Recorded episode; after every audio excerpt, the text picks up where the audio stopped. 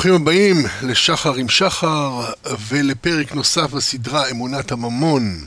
בשיחה זו אנו נמשיך לעסוק בצורות השונות של דוקטרינות כלכליות, דוגמות כלכליות, והפעם נתחיל ברטוריקה של החשבונאות הדו-צדדית.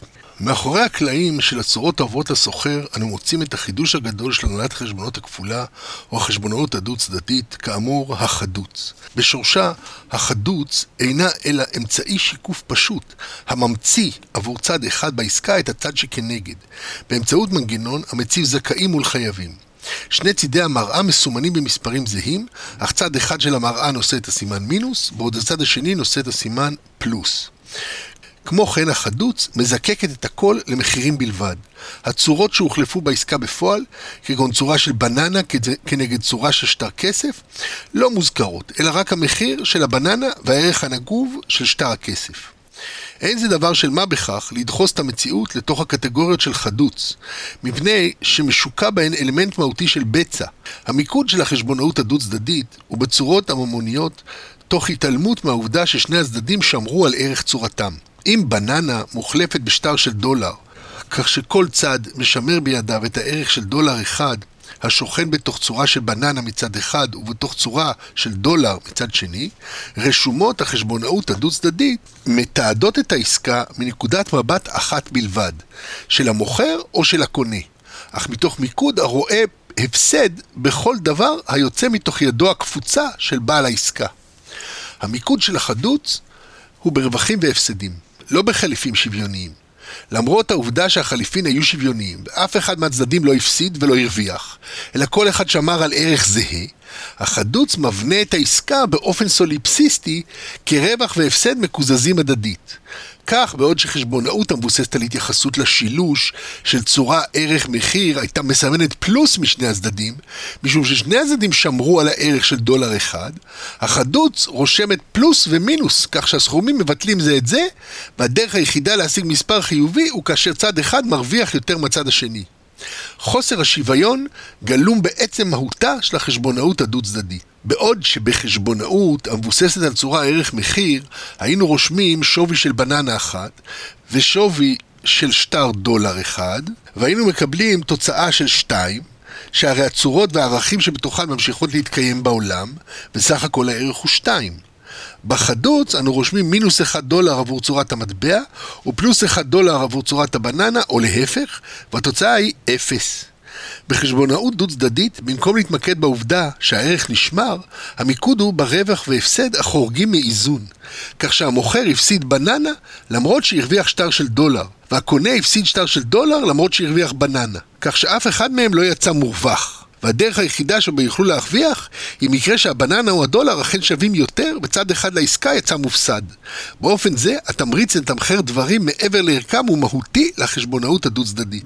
אפשר שעובדה זו לא מפתיעה לנוכח מוצאה של החשבונאות הדו-צדדית בידיהם של הסוחרים הגדולים של הרנסאנס, ועלייתה לגדולה עם הופעתם של חברות מבוססות מניות. שתכליתן על פי חוק הוא לפעול על פי שיקולים עסקיים להשאת רווחיהן. זה מתוך חוק החברות, שנת 1999, חלק שני, סימן ד', תכלית החברה. החשבונאות הדו-צדדית והקפיטליזם ממוקד הרווחים הם היבטים של אותה תפיסת עולם, כך שהניסיונות השונים ליצור חשבונאות דו-צדדית ירוקה, בעלת רגישות חברתית וסביבתית גדולה יותר, שמנסה לשלב במאזן כמה גורמים חיצוניים במרכאות, שיש להם חשיבות חיונית לעושר האנושי, נידונו כנראה מלכתחילה לכישלון מעצם, מעצם חוסר האיזון הגלום במאזנים המכוונים לעבר השאת רווחים ולא לעבר שוויון. מצב של שוויון בשיטת החשבונאות החשבונאות הדו-צדדית זוכה לתווית האומללה של אפס. הצלחתה של החדוץ נובעת מכך שהיא משקפת גם אם בצורה מוטה את המציאות של טרנזקציות כספיות בהן יש אכן תמיד צורה כפולה בכל עסקה. ולמרות שאותו ערך נשמר בידי שני הצדדים, כל צד אכן נפרד מצורה אחת המכילה ערך, ומקבל צורה אחרת המכילה את אותו ערך. אמנם הטיית החשבונאות הדו-צדדית המציגה את הדברים מנקודת מבט של צד אחד בלבד לעסקה, המושג כמי שמפסיד ומרוויח ערך, ולא כמי שמשמרו, מחמיצה את המציאות השוויונית של עסקאות ולכן מחייבת הרבה מאוד מאמצים ויצירתיות על מנת לדחוס את המציאות האמפירית לתוך הקטגוריות שלה. כפי שכותבת גליסון ווייט, למרות שקל להגדיר את המונחים חובה וזכות מסגרת חשבונאית, אין הם אלא צד שמאל וצד ימין של החשבון. לא כל כך קל להכיל אותם על המציאות. כפי שיעיד כל סטודנט להנהלת חשבונות, השימוש במונחים אלה אינו אינטואיטיבי ועשוי לבלבל. כך למשל, הסטודנט חייב ללמוד שרישום חובה בחשבון נכסים או הוצאות מגדיל את הנכסים או ההוצאות הללו, אך רישום חובה בחשבון חבויות, הון בעלים או הכנסות, מקטין את החשבונות הללו. ההפך נכון ביחס לרישומי זכות. המיון של עסקאות לקטגוריות של חובה וזכות הוא הענן השחור המרחף מעל קיומם של סטודנטים להנהלת חשבונות. עד כאן הציטוט מגליסון ווייט שכתבה ספר על הנהלת חשבונות דו-צדדית. היישום הרלוונטי ביותר של חשבונאות דו-צדדית אינו בעסקה מסחרית הפותרת את המחויבות של שני הצדדים בעת החלפת הבעלות על הצורות ההדדיות שלהם, אלא בעסקה כגון הפקדה או הלוואה, שבה אין שחרור של בעלות. נניח שיש ברשותך אלף צורות מטבע ואתה מפקיד אותן בבנק. אתה נשאר הבעלים של צורות אלה למרות שהם בידי הבנק, והבנק חייב לך עכשיו אלף. אתה בעלים ולכן זכאי לנכס זה. והבנק חייב להחזיר לך את הכסף שנתת לו, כך שהבנק הוא החייב.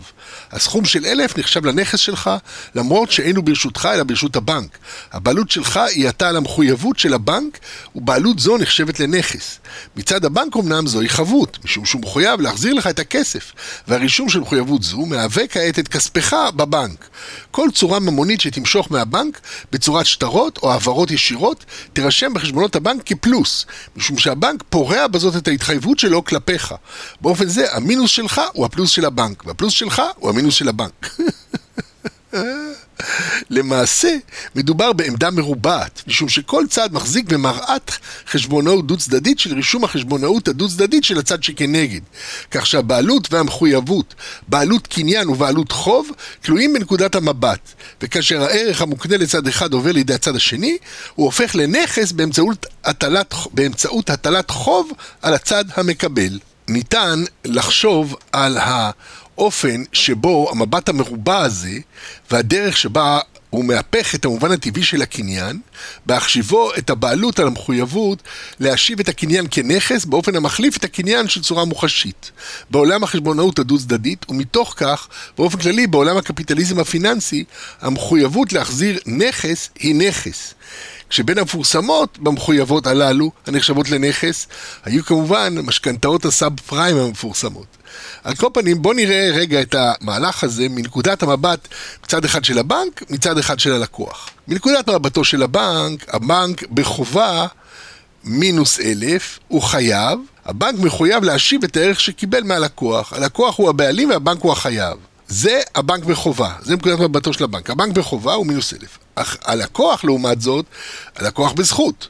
כי הוא מחזיק בבעלות. ללקוח יש נכס בבנק, משום שהבנק חייב לו. עכשיו, מנקודת מבטו של הלקוח, מנקודת מבטו של הלקוח, חשבון הבנק בזכות, פלוס אלף. הוא מחזיק בבעלות, יש לו נכס בבנק, משום שהבנק חייב לו את האלף האלה. לעומת זאת, הלקוח בחובה, מינוס אלף, הוא חייב. הלקוח נמצא בחיסרון כיס משום שהפקיד את כספו בבנק, אך ממשיך להיות הבעלים של הכסף, כך שהוא כאילו חייב לכיסו שלו.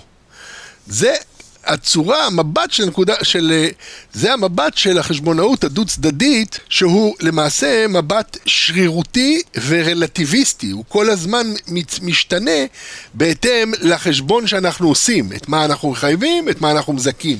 כל הזמן צריך להחזיק ראש. במובן זה, מנקודת המבט של המשגת הבעלות, החשבונות הדו-צדדית היא המצאה אנושית מופשטת לחלוטין, המכירה בבעלות ללא החזקה ובעובדת היסוד החברתית המאפיינת את כל תרבויות האדם. דהיינו, ההכרה ההסכמית חוצת התרבויות שהאיש הגדול, דהיינו זה שכולם חייבים לו טובות, טובין והכרת הטוב, הוא העשיר. באופן זה יוצרת חשבונות הדו-צדדית הפשטה של יחסי אנוש, תוך המרת הצורות המוחשיות יותר של חילופי צורות לצורות עוד יותר מופשטות, שבהן חובות יוצרים נכסים. אמנם בכלכלה המודרנית צפויים סיבוכים לדפוס הנ"ל, משום שבכלכלה מודרנית, נוסף לכך שאנשים מפקידים כסף בבנק, הם לעתים קרובות מקבלים את כספם מהבנק בצורת חוב. הבנק עצמו יוצר את הכסף בתמונת ראי של נקודת המבט של הפקדה. שאז, נקודת מבט של הבנק, חשבון הבנק בזכות, כי הוא מחזיק בבעלות, יש לו נכס, משום שהלקוח חייב לו. הלקוח יהיה בחובה, במינוס, משום שהלקוח צריך להחזיר את ההלוואה שהוא קיבל מהבנק.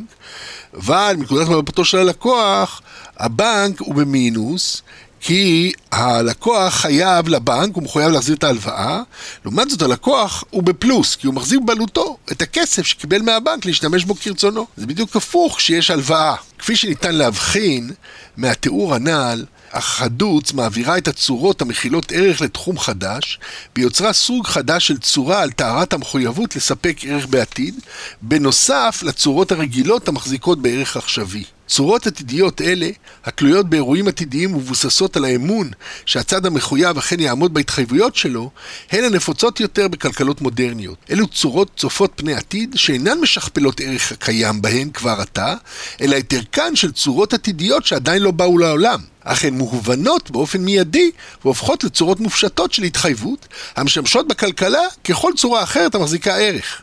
זוהי הליבה של הכלכלה המודרנית ושל הקפיטליזם הפיננסי. טבעו האמוני הצרוף של הממון המודרני. כל אותם נכסי עתק שאינם אלא המגדלים פורחים באוויר של מחויבות עתידית הצפים על אמון ביכולת וביושרה של בעלי החוב לפרוע את חובם. אמנם, מאחר ופירעון החוב נקבע לנקודה עתידית, ניתן בינתיים, בהווה, להשתמש בנכסים אלה כצורות של ערך בפני עצמם, ולסחור בהם כבכל צורה אחרת. הבנק מחזיק עתה בנכסים שביכולתו למכור לאחרים, בהעבירו את הבעלות על המחויבות בתמורה לקבלת בעלות על צורות ממוניות נוספות. שבתוך היכל המראות של החשבונות הדו-צדדית אם נעשה סוג אחר של נכס, הנסמך על מחויבות החברה לפרוע אותו. שהרי אם תחליף צורה ממונית תמורת משהו כמו בננה, הבננה משלמת במרכאות את החוב שמייצגת הצורה הממונית. ההמצאה של חשבונאות דו-צדדית הייתה הנקודה התמורית המכרעת שהעתיקה את הממון מהתחום הסימבולי גרידא אל התחום הדמיוני הצרוף. שבו ראי דמיוני של כל סכום יצר ערכים חדשים של ערך, מתוך שיטה פשוטה של יצירת נקודת מבט כפולה המציבה את הבעלות והמחויבות של כל צד זה לצד זה. כך הפכה החשבונאות הדו-צדדית לקרש הקפיצה הישיר להתרבותן של צורות ערך סימבוליות משני צידי הפנקס החשבונאי, המתעד בפועל את הבעלות והמחויבות של כל צד. כפי שראינו, שני הצדדים מנותקים מהאופן הממשי שבו פועל הממון בכלכלה. וזהו שורש הקושי הגדול הכרוך ביישום של חשבונאות דו-צדדית במציאות, והתקלות הרבות שמקורן באי התאמה בין החשבון לבין המציאות. בפועל, החשבונאות הדו-צדדית היא האמצעי המושלם לתיעוד ומעקב של בעלות ומחויבות בעולם המופשט של צורות בעלות ערך, רק כל זמן שצורות אלה נשארות בתחום המופשט ואינן נוגעות בקרקע המציאות.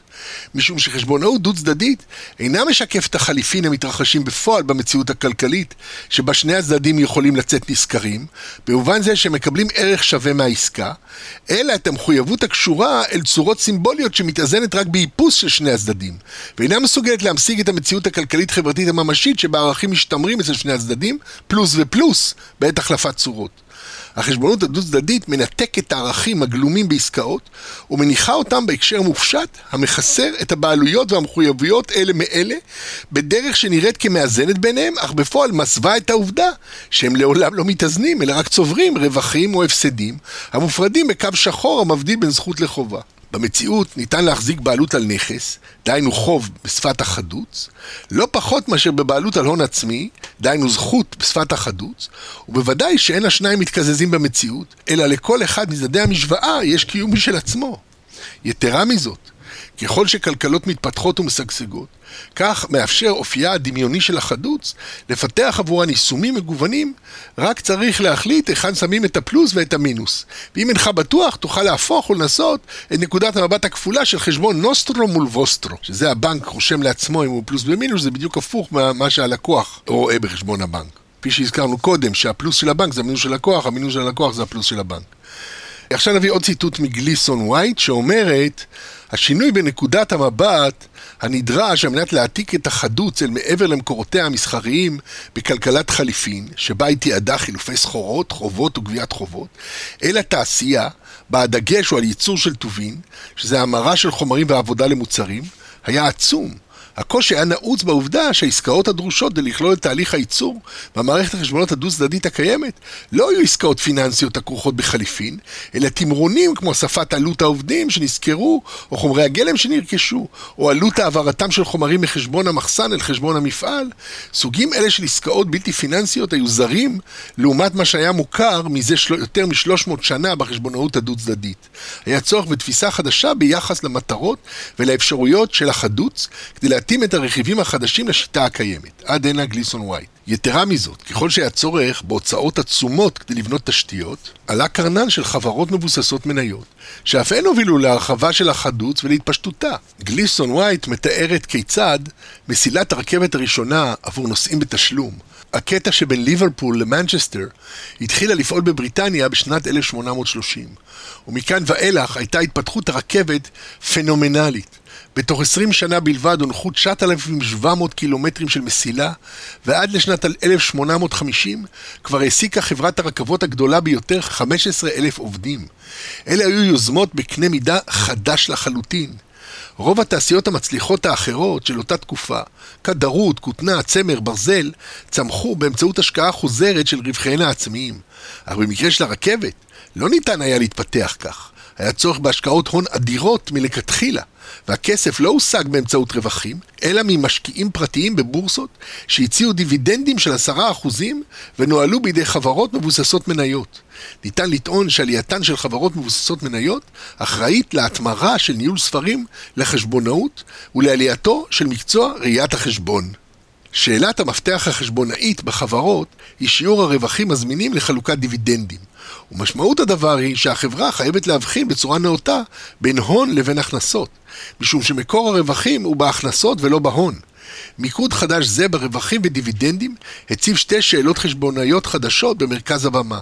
כיצד לחשב הכנסות או רווחים, וכיצד להעריך נכסים. שאלות אלה נשאלו רק לעיתים נדירות לפני 1850, אך עד סוף המאה ה-19 הם כבר הפכו לעיסוקם המרכזי של חשבונאים.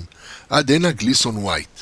יתרה מזאת, עצם ההפשטה של חדוץ לפלוסים ומינוסים, שבה המינוס נושא עמו סטיגמה של רע, והפלוס ברכה של טוב, מנקודת המבט של הבעלים של הפלוס כמובן, יוצרת דוגמה הדוחפת באופן ממשי את רוב המציאות אל מחוץ לחשבון. כפי שכותבת גליסון ווייט, הנהלת החשבונות הדו-צדדית אפשרה את החשיבה המבוססת על תועלת עלות המאפיינת את שיטות הניהול העכשוויות בכל התחומים, החל מממשלות וחברות עסקיות וכלה בבריאות וחינוך. כך למשל, היא מכתיבה את הטבלאות המשוות בין עלויות לבין הכנסות, ובאופן ספציפי את השאלה, האם העלויות הכרוכות ברכיב עסקי מסוים מניבות תשואות המצדיקות עלויות אלה. חשבונאות דו-צדדית מאפשרת השוואה בנכסיו של עסק בתחילת יוזמה עסקית כלשהי ונכסיו בסוף היוזמה, ובכך להעריך ולקבוע את ההצלחה הפוטנציאלית במונחים של רווח של כל פעילות, גם כאשר מדובר בטובין שלא ניתן לחשבן, כמו חינוך או הסביבה הטבעית.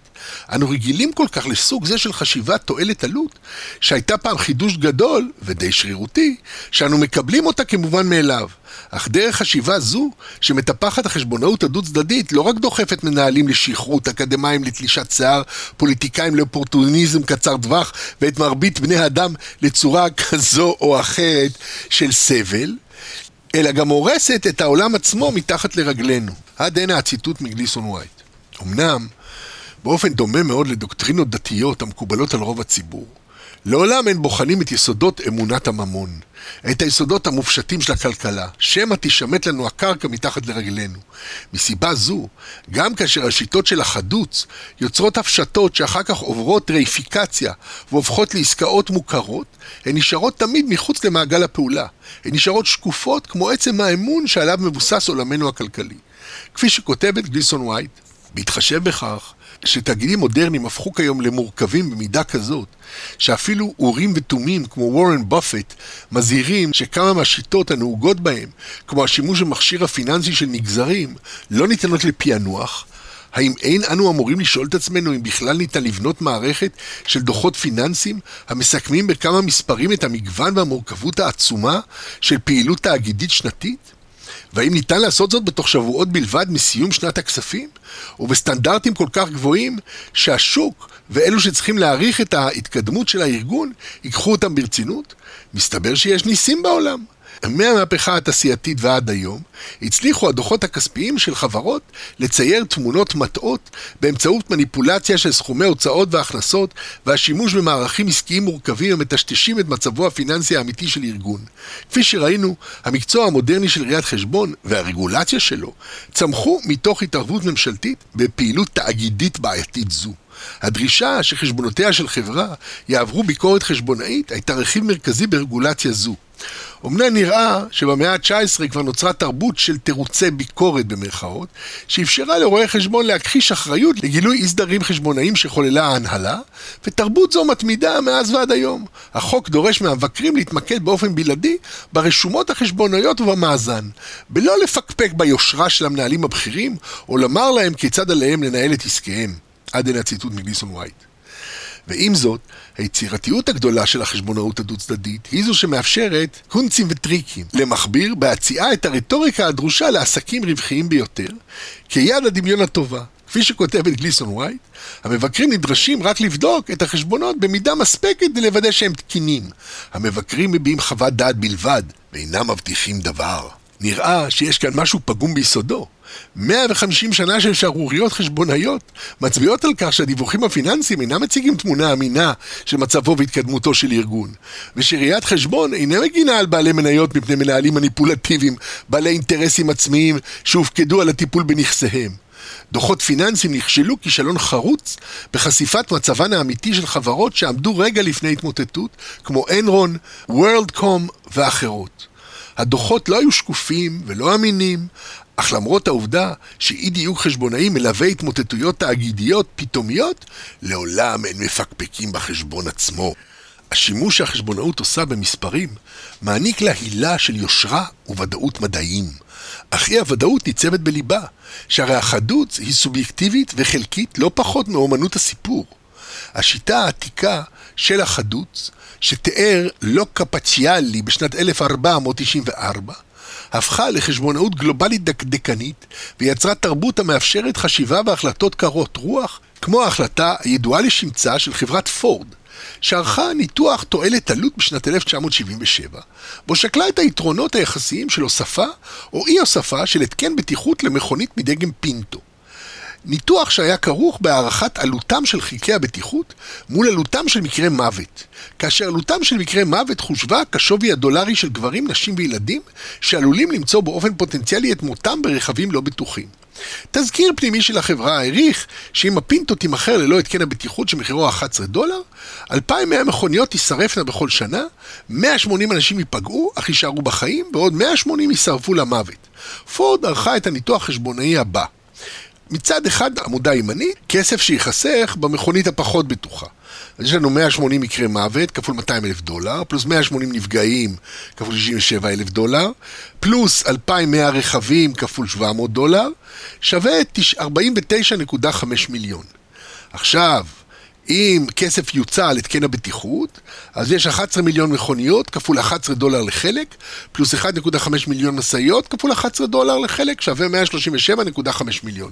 כלומר, 137.5 אם אתה מתקין את התקן הבטיחות, לעומת רק 49.5 מיליון אם אתה לא מתקין אותו. היה ברור שהעלויות הכרוכות בהתקנת אמצעי הבטיחות עלו בהרבה על התועלת. מונחים חשבונאיים. לכן באופן טבעי החליטה פורד שלא להשקיע כסף בהתקן הבטיחות, תוך הסתמכות על ההיגיון המחייב של שתי משוואות מספריות פשוטות אלה. זוהי דוגמה קלאסית של ניתוח תועלת עלות חשבונאי. נעבור עכשיו לנושא נוסף בדוקטרינות, וזה הפיקציה של המחסור. מאחר וההסברה של מחסור היא אחת מעיקריה של הדוגמה הכלכלית הרווחת. מתברר שיש לשמר את מראית העין של מחסור בכל תנאי על מנת לדחוף את המציאות לתוך סככות הגזיזה של הדוגמה. כלכלנים משתמשים בכל תרגיל אפשרי של הכללים החשבונאיים המקובלים כדי למנוע מהמציאות לדלל את הדוגמה של המחסור. כל זמן שהכללים אכן מקובלים, יכולים כלכלנים להכתיב אמצעים אכזריים של צנע וקיצוצים לדיירים חסרי הישע של אזור ה-N, בעוד שדיירי ההון נהנים מהרחבות כמותיות. היינסון ועמיתיו מצטטים את רייזה, האומר שאספקת הכסף אינה מייצגת, כפי שמניחים עדיין בדרך כלל, שום צורה של חבות מצד הבנק המרכזי. באיזה חבות מדובר? אם ננסח זאת באופן אירוני, הרי שהבנק המרכזי, כיצרן הנזילות, לא יכול על פי הגדרה לסבול בעצמו מבעיית נזילות. משום שהבנק המרכזי יכול להסיר את הגורם לבעיית הנזילות שלו, היעדר כסף לכיסוי חובות, באמצעות יצירת כסף, בלא לרשום חוב בצד השני של מאזן התשלומים.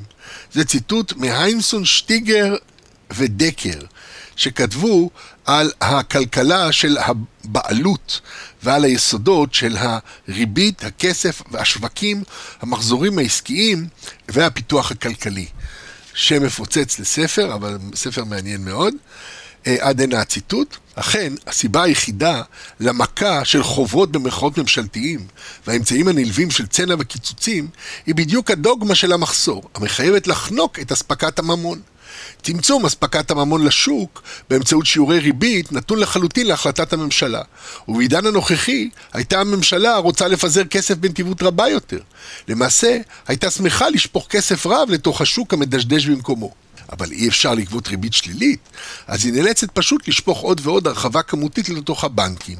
אך הבנקים, שכולם קיבלו חינוך כלכלי קלאסי, עם כל הדוגמות של מחסור וזהירות, מסתייגים ממתן הלוואות ללא בטוחות, ולכן שומרים את מרבית ההרחבה הכמותית שהם מקבלים אצלם, ולא משחררים ממנה לשוק. יתרה מזאת, בהתאם לאפקט קנטילון, מרבית הכסף שנוצר מוצא את דרכו לדיירי אזור ההון, שאין להם שום סיבה להוציא אותו בשוק הכללי, והיו מעדיפים באותה מידה לאגור אותו לעתיד או להשקיעו בשווקי ההון והנדל"ן, שצמחו לאחרונה עשרות מונים לעומת, לעומת הכלכלה הריאלית. כמו כן, כל הרחבה כמותית בעולם ניתנת בקלות לספיגה בכמה יצירות אומנות מופתיות שהתעלו על איזה קיר. רק באמצעות העברת כספים לידי אנשי אזור ה-N ניתן להמריץ שווקים. אך תמיד אפשר להרקיד את השלד המפחיד של האינפלציה כדי לשכנע את הממשלה להימנע מכך. ובאינפלציה אנחנו נדון בנפרד בשיחות בהמשך. אוקיי, הנקודה הבאה במסגרת הזאת של דוקטרינות, אה, שאני רוצה לדבר עליה כאן, זה הכפירה הסורוסית, כן? אה, דברים שג'ורג' סורוס הידוע אמר בנושא של האופן שבו מתנהלת הכלכלה. ג'ורג' סורוס, אחת הדמויות הכלכליות השנויות במחלוקת, למרות שיש לו קבלות על עמדותיו בדמות היסטוריה יוצאת דופן של הצלחה כלכלית, אה, נדמה כקורא במדבר של כלכלנים אטומים המתעקשים להתעלם מהתובנות שלו, שבאופן מפתיע למדי, מתמקדות באחת הנקודות המרכזיות של השיחות הנוכחיות, שכסף הוא עניין של תודעה, ולכן נתון לאי הוודאות של הידע האנושי. כך כותב סורוס בספרו האלכימיה של, של הכספים, איך לקרוא את, ה, את ה, איך לקרוא את המחשבות של השוק. זה נקרא The, Alchemy of Finance, Reading the Mind of the Market. סורוס כותב, בשווקים פיננסיים פועלים משתתפים בעלי מחשבה שמסבכים את העניינים. השקפותיהם של המשתתפים מוטות במהותן. במקום קו ישיר שיוביל ממערכת תנאים אחת לבאה אחריה, יש הצטלבות מתמדת בין התנאים האובייקטיביים שניתן לראות באופן מוחשי, לבין תפיסותיהם של המשתתפים, ולהפך. המשתתפים לא מבססים את החלטותיהם על תנאים אובייקטיביים, אלא על פרשנותם לתנאים אלה. זוהי נקודה חשובה, ויש לה השלכות מרחיקות לכת. היא מחדירה אלמנט של אי ודאות ההופך את החומר הנושא לפחות נוח לסוג ההכללות, הניבויים וההסברים שהעניקו למדעי הטבע את המוניטין שלהם. דווקא משום שהוא משבש כל כך את הדברים, מדעי החברה באופן כללי, והתיאוריה הכלכלית במיוחד, עשו את מיטב יכולתם להתעלם מהאלמנט של אי-הוודאות. התנגדתי למעמד זה וניסיתי לפתח גישה חלופית שלוקחת את ההטייה של המשתתפים בנקודת המוצא שלה. יש מקרים שבהם ההטייה משפיעה לא רק על מחירי השוק, אלא על גם מה שנחשב כביכול ליסודות הפונדמנטליים של השוק. מחירי השוק אינם רק משקפים יסודות פונדמנטליים אלה, אלא הם עצמם הופכים לאחד היסודות המעצבים את התפתחותם של מחירים.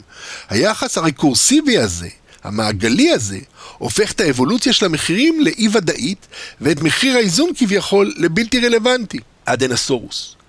סורוס מדגיש את האופי החברתי הדו-משמעי של החיים הכלכליים ואת עליבותם של הניסיונות לדחוס אותם למשבצות חישוב מסודרות של מודלים כלכליים.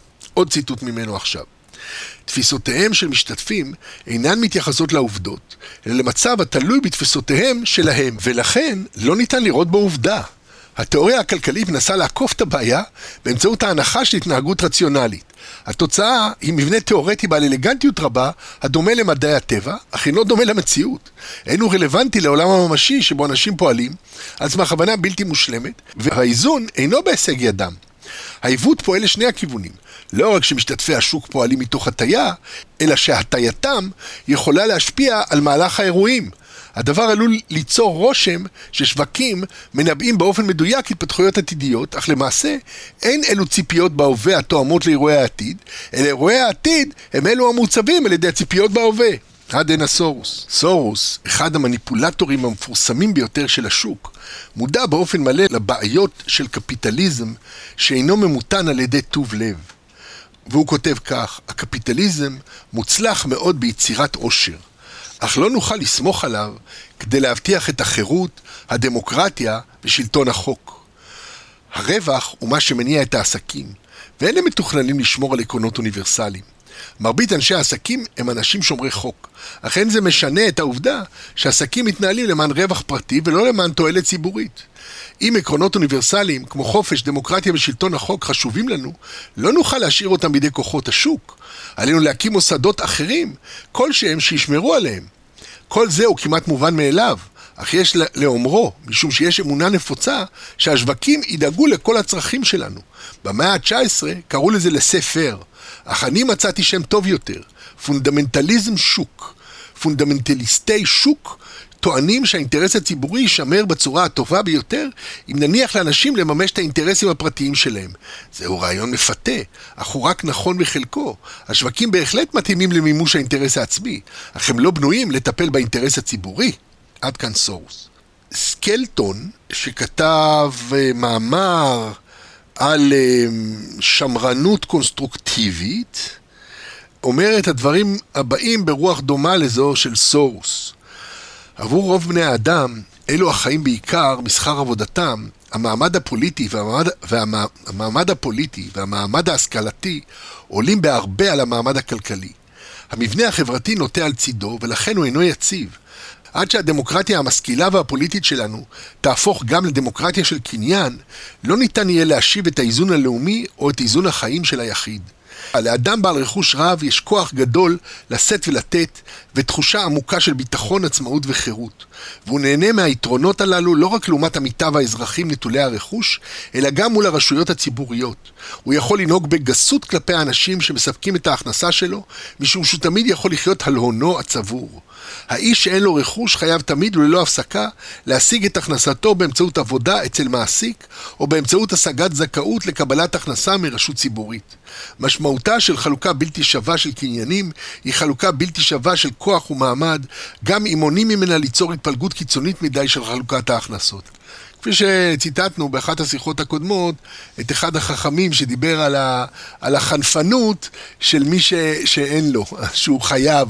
מי שהוא חייב, אז הוא כל הזמן צריך להתרפס, להתחנן, הוא לא יכול לנזוף באחרים.